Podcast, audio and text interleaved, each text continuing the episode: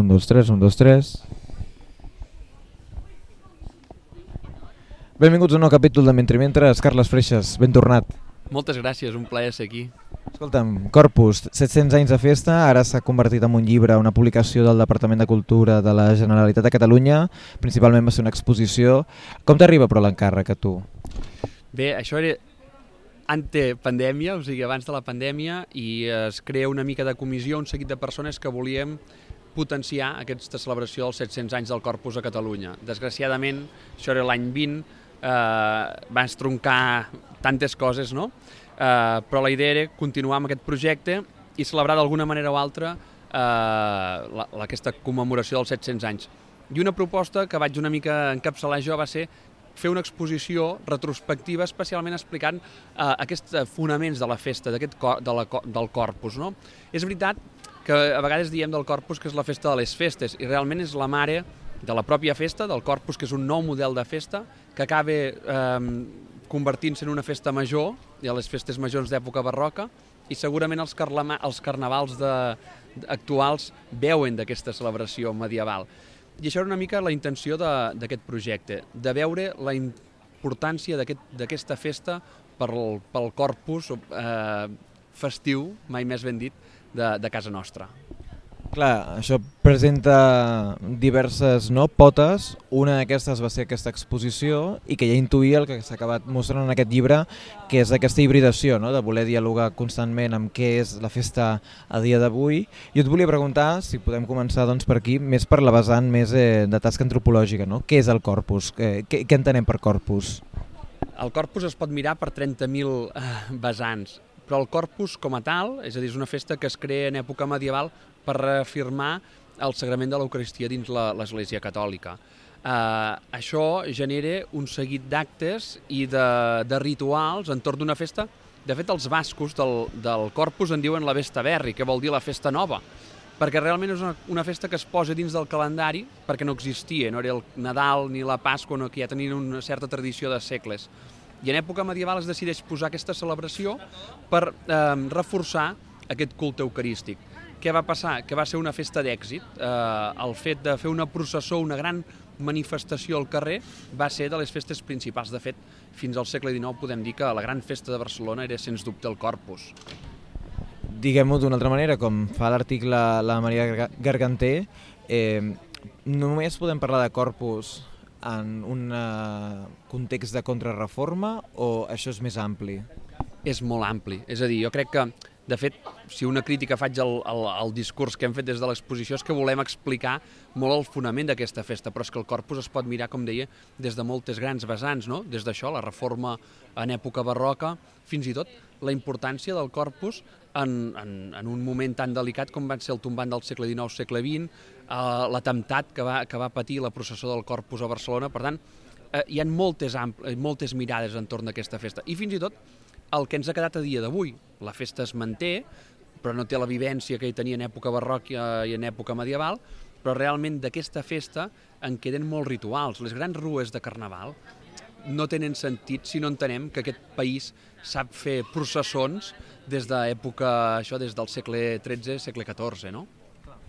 I en, enllaçant amb el que dèiem, no? la gènesi, aquesta història que s'ha anat explicant, no? que el corpus en el fons és una acció no? per fer venir el poble, la gent, els ritus, eh, dèiem, no? és la festa de l'Eucaristia, però en aquest cas en els ritus més sagrats, eh, com ho hauríem doncs, de rellegir? És a dir, només és això? Només és un gest, eh, diguem-ne, pamfletari o polític? O què més hi havia al darrere de, de part del poder eclesiàstic? Jo crec que no era només una cosa del propi poder eclesiàstic, originàriament sí, però en el fons era una representació de la societat estamental i de que cada societat, cada moment, cada generació va posar la processó del corpus al lloc que li era representatiu. I jo crec que sempre m'agrada fer servir una frase que la processó del corpus és una processó on tothom hi era i on, i on tothom hi havia de ser vist. Fossis d'un estament o un altre, eh, un grup social o d'altre, tothom feia cap a la processó. Per això expliquem sempre que la processó, eh, l'atemptat de la processó de Corpus eh, volien atemptar contra les grans classes dirigents del país i en el fons van acabar matant a gent del proletariat. Per tant, això et demostra que la festa del Corpus era molt transversal. I jo crec que és una mica el que ens hem de guiar, no? No era una festa només vinculada a l'Església, sinó que en el fons seguia a tots els estaments civils, eh, tots els estaments dels de la, gremis, cofreries, etc etc. Doncs això va lligat no, amb la creació de figura i d'imatgeria festiva i aquí queda documentat i queda documentat no només l'evidència dels gegants, que seria no, d'alguna manera el que sempre s'ha explicat, sinó també parles en aquest cas de les roques a València, amb la previència del corpus a València, hi ha també tot l'article del Vilarrúbies, no, que també s'hi posa en detall amb altres figures festives, penso també amb l'àliga, o sigui, en alguna manera és la gènesi també del que entenem avui per figures festives. Totalment. De fet, el 2024 celebrarem els 600 anys del gegant, de la primera referència de gegants a Catalunya. No? Uh, en el fons, la processó del Corpus el que vol és també, té una vocació catequètica i moralitzant, és a dir, tots aquests elements del bestiari que amenitzaven grans celebracions acaben adaptant-se en el llenguatge catequètic i entren a la processó del Corpus. I, clar, i aquí anem desgranant tot aquest seguit de l'àliga, el drac, eh, la resta de bestiari i especialment els gegants que sorgeixen del corpus. De fet, els gegants han sobreviscut especialment perquè eren elements que es van anar mantenint a la processó del corpus fins al segle XIX. No serà fins a aquest moment que altres entitats l'agafen, els agafen i els fan servir per altres coses, no? però era un element de processó, clarament. Per tant, un element fet servir per la, pel, pel ritual religiós. Tant, la funció social, com la podríem dir? Perquè hem parlat de la representació estamental, ara parlàvem no, també d'una un, una certa dimensió festiva però vinculada a, a la litúrgia. Com podríem fer també el trasllat? No? Eh, quina funció social complia llavors i en quin punt estem ara? Clar, jo crec que en el fons els gegants el que van és adaptant-se en la situació. El gegant que veiem a dia d'avui és molt diferent del primer gegant. De fet, els primers gegants representaven eh, Samsó, David i Goliat, Sant Cristòfol, que això ja es modifica en època barroca, que ja són eh, grans eh, guerrers o personatges, que és el moment que també s'incorpora la geganta. Quan entra la geganta també ha perdut aquesta funció perquè no, no tenia sentit que Sant Cristòfol anés acompanyat d'una geganta si no tenia un simbolisme, i arriba un punt que això, passen a ser guerrers i al segle XIX agafen altres, altres simbolismes, deixen de tenir aquesta funció i fins a dia d'avui que els gegants poden representar qualsevol cosa de la nostra societat. No me n'he oblidat, eh, tornem, fem un pas enrere, parlem de la canonització de Sant Ramon de Penyafort, perquè en el fons també, ara parlàvem no? d'aniversari i celebracions, la Maria Gargantel li dedica un espai important que hauríem de parlar-ne. Clar, eh, jo crec que de vegades la, la, el pulmó d'una societat es, eh, es pot eh, copsar a partir de les grans celebracions extraordinàries. Ara potser ens queda una mica lluny, no? però realment potser l'última gran celebració extraordinària a Barcelona, ja faig un salt en el temps, és la de, de Sant Josep Oriol, eh? i per tant també va ser una festa que va durar anys a Barcelona, com aquell qui diu. I el 1601, la, la canonització de Sant Raimon de Penyafort, realment ja ens marca una mica aquesta tendència o aquest canvi d'aquest pas de tota aquesta imatgeria del que era pròpiament la festa del Corpus, el que seran durant el segle XVII i XVIII el, la gran transformació i que passarà a les festes majors. En el fons, què fa la societat de l'època, en època barroca, quan crea les festes patronals o les festes majors? Busquen un model d'èxit. I quin és aquest model d'èxit? Doncs la festa del Corpus que seguia tota la societat. Per tant, extrapolen el cas del seguici, de la vigília i tot, d'una celebració al mes de juny, el moment que és la celebració d'un sant o d'una Mare de Déu. Per tant, Sant Raimon de Penyafort és un punt d'inflexió d'aquest canvi de paradigma i que al final del, més, més ben dit, a principi del segle XX, trobarem, perdó, del segle XIX, trobarem la, la canonització de Sant Raimon de, de, de Sant Josep Oriol a Barcelona, que també no només és una cosa pròpia de Barcelona, sinó d'altres punts de la geografia, com passa amb, amb, amb Sant Ramon de Penyafort, que el trobem a Igualada, a Mataró, a Vilafranca, etc etc. Avui estem parlant amb en Carles Freixas, que ha curat aquest llibre Corpus, 700 anys de festa a Catalunya. Uh, deixem que fem un salt d'alguna manera, eh? també hem parlat de, cor, eh, de, de Corpus a partir de l'atenció de com ens porta a les festes actuals, de la funció social, com això vincula no, amb l'imatgeria festiva i com d'alguna manera també explica no, fins a quin punt estem nosaltres actualment, però internacionalment què hauríem d'entendre? És a dir, quin corpus, eh, quina festivitat hi ha similituds eh, o, o té similituds a nivell internacional amb el que aquí entenem per corpus? Bé, la festa del Corpus es crea eh, al nord d'Europa i va baixant. Per tant, és una festa que s'extén a tot el que és la, la cristiandat de l'època medieval i s'entén que va ser una festa que va tenir molt ressò i, evidentment, quan Roma l'adapta com una festa que s'ha de fer tot arreu, l'universalitza. Eh, en aquest sentit, eh, la processó del Corpus es manté viva o no viva segons també una mica el, la, la traça que podem seguir en cada, en cada societat una, una de les preguntes que ens fem en el llibre i crec que és molt interessant és per què s'acaba la processó del Corpus a Catalunya. Tothom ho deia el concili Vaticà II, hi havia aquest, aquest com un rum-rum que deia no, és que el concili va prohibir les processons. També ho deien a vegades que el, el concili de Trento havia prohibit els gegants, i no és ben bé així, el concili ordena, el concili Vaticà II passa el mateix, també ordena, però en cap cas prohibeix les processons. I en canvi, si tu vas a la resta de, de, de, de les Castelles, a Sevilla, a Toledo, continuen fent unes processons de corpus, o a València, unes processons de corpus molt bestials, ex, extremadament eh, pomposes, no? que devien ser el que fèiem aquí fins fa quatre dies. bueno, doncs el llibre desgrana una mica aquest motiu perquè aquí a Catalunya vam seguir un camí diferent. No? Hi, ha, hi ha diferents teories, no la tanquem, però crec que es dona un camí. Jo, deixa'm dir que en el llibre m'acompanyo, no, no, no és obra meva, sinó que tinc a darrere un seguit de persones que han estudiat la festa molt millor que jo i, i que per tant jo veia que aquest projecte sí que havia de passar davant a una persona, eh, modestament sóc jo, però darrere eh, hi tinc un seguit de gent que han fet tesis de, doctorals sobre la festivitat del Corpus, per exemple, César Favà, però tenim gent molt experta que han estudiat el Corpus des d'aquestes vessants, que aquest llibre ens permet una mica assentar els fonaments de la que és les celebracions a Catalunya, entorn de la festa del Corpus i dels entremesos, i que el que volíem és que fos una mica que la voluntat de la gent, quan algú busqui l'origen, eh, d'on surt això, d'on surt aquella altra qüestió, les, la pugui treballar a partir d'aquest llibre. I per això toca un seguit de temes que volen desgranar una mica modestament aquests, 800, aquests eh, 700 anys de, de tradició.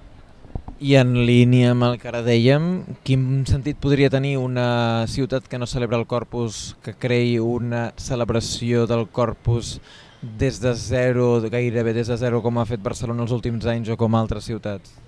És molt interessant aquesta pregunta. Eh? De, de fet, el llibre acaba amb un article de Joan Ignasi Gómez que és el corpus que ve, és a dir, la societat canvia, és una festa que té set segles d'història, com vindrà, no? De fet estem vivint un moment de recuperació de moltes tradicions. Què vol dir? Mm, jo no crec que, que creixi el sentiment religiós en aquest sentit, sinó que en el fons el que estem buscant és les bases de la nostra cultura popular i tradicional que veuen aquestes festes històriques i per això hi ha la tradició de recuperació de molts elements de la imatgeria festiva. Uh, bé, jo crec que és una, una adaptació, jo crec que cada moment la, la societat adapta la cultura popular al seu moment. Jo crec que no hem de fer una reproducció del que era una processó de fa 700 mm, anys perquè segurament ningú veu una processó de fa 700 anys en cap dels llocs de que et comentava fins ara. No? És una festa que és producte del moviment, d'anar de la, de adaptant i d'anar-se emmullant. No? Jo crec que té, una, té un, fins i tot té un punt d'adaptació a, cada, a cada punt geogràfic amb la, amb la identitat de la població. Per tant, jo crec que cada població té una, un marc bàsic de la festa, del corpus, però que se l'ha anat fent seva. No és el mateix la celebració, per exemple, a la Patum ho tenim ben clar, com la que pot celebrar eh, Tarragona o, o València. I en aquest sentit, ja per anar acabant, eh, hem parlat d'imatgeria festiva, que és gran epicentre d'aquest llibre, però també hi ha tota la dimensió floral i totes les catifes de flors, que de fet hi ha moltes poblacions que gairebé només han mantingut les catifes de flors. Sí, és curiós perquè eh, la festa del Corpus ens arriba a casa nostra, a, arreu de Catalunya, una festa que se celebra a molts llocs encara dia d'avui, però realment cada població potser no ha cuidat una globalitat. Costa molt veure una festa total del Corpus a, a, a Catalunya. Potser el gran exemple per mi seria Sitges, que conserva les catifes, la processó, els elements del bestiari, la vigília. Jo crec que Sitges gairebé podríem dir que única la podria seguir Solsona, però en canvi Berga eh, conserva molt bé la imatgeria, però en canvi ha perdut totalment el que és la processó. Eh? Ja no entro si s'ha de mantenir o no, eh? jo ja ho deixo per, pel lector del llibre però és veritat que aquí ens passa que eh, costa resseguir una festa total com és el cas de, com és el cas de Sitges. I certament les, les catifes són una part molt important. Sí que hem anat veient, i en el llibre ho, ho expressem, és que la, el, el lluïment floral que es fa com a, al món de les catifes és realment molt modern. Sí que hi havia paliades, es tiraven elements, herbes aromàtiques, però aquest fet de fer geometries, formes molt concretes, això és força modern. Però bé, és una, un tret identificatiu a dia d'avui de, de la festa del Corpus. I jo crec que un altre que hem de destacar especialment a Barcelona és la gran tradició de l'ou com balle, que eh, sí que és veritat que és molt una, un fet molt barceloní, que potser el llibre doncs, el tractem, però l'hem de, de, de circumscriure molt en l'àmbit de la ciutat de Barcelona, però que és molt identificatiu pels barcelonins i barcelonines. L'ou com balle que l'any passat per Seguera em ballava poc. Sí, certament, eh, bueno, és curiós, no? perquè en el fons són, són elements de circuits tancats que no gasten molta aigua, però bé, a vegades eh, no és el fons sinó és la forma. Deixa'm acabar eh, per com... perquè la primera vegada que vam entrevistar aquí mentre mentre parlàvem del Museu de Solsona i justament eh, dins de l'epicentre Espurnes Barroques m'agradaria saber també com esteu també a Solsona i com seguiu eh, l'elaboració també de les vostres tasques en aquest cas en el museu. Molt bé, estem en un moment de, de canvi. El museu eh, fins feia 40 anys que no vivia una renovació com estem fent ara, modestament. Eh, estem treballant amb una, hem fet una nova entrada, o sigui, per tant, una entrada a peu de carrer que sigui visitable, eh, molt més fàcil per les persones amb mobilitat reduïda, un tema de visibilitat també a la ciutat, Uh, i aquest any ens ve un any ple amb dos temes que gairebé tot Catalunya està uh, impulsant, que és el treball de Picasso i Miró, i en el museu també eh, entrarem en, en aquest cicle, especialment a l'any que, que ve, el 2024, treballarem la figura de, de Picasso eh, i la tradició popular catalana, precisament, i si tot va bé també Miró i una figura molt del museu, realment podríem dir l'emblema, que és la figura de l'Oran de Pedret. Carles, moltíssimes gràcies per sumar-te aquí a Mentre Mentres i parlar en aquest cas d'aquest corpus a 16 anys de Festa a Catalunya. Un plaer i quan vulgueu.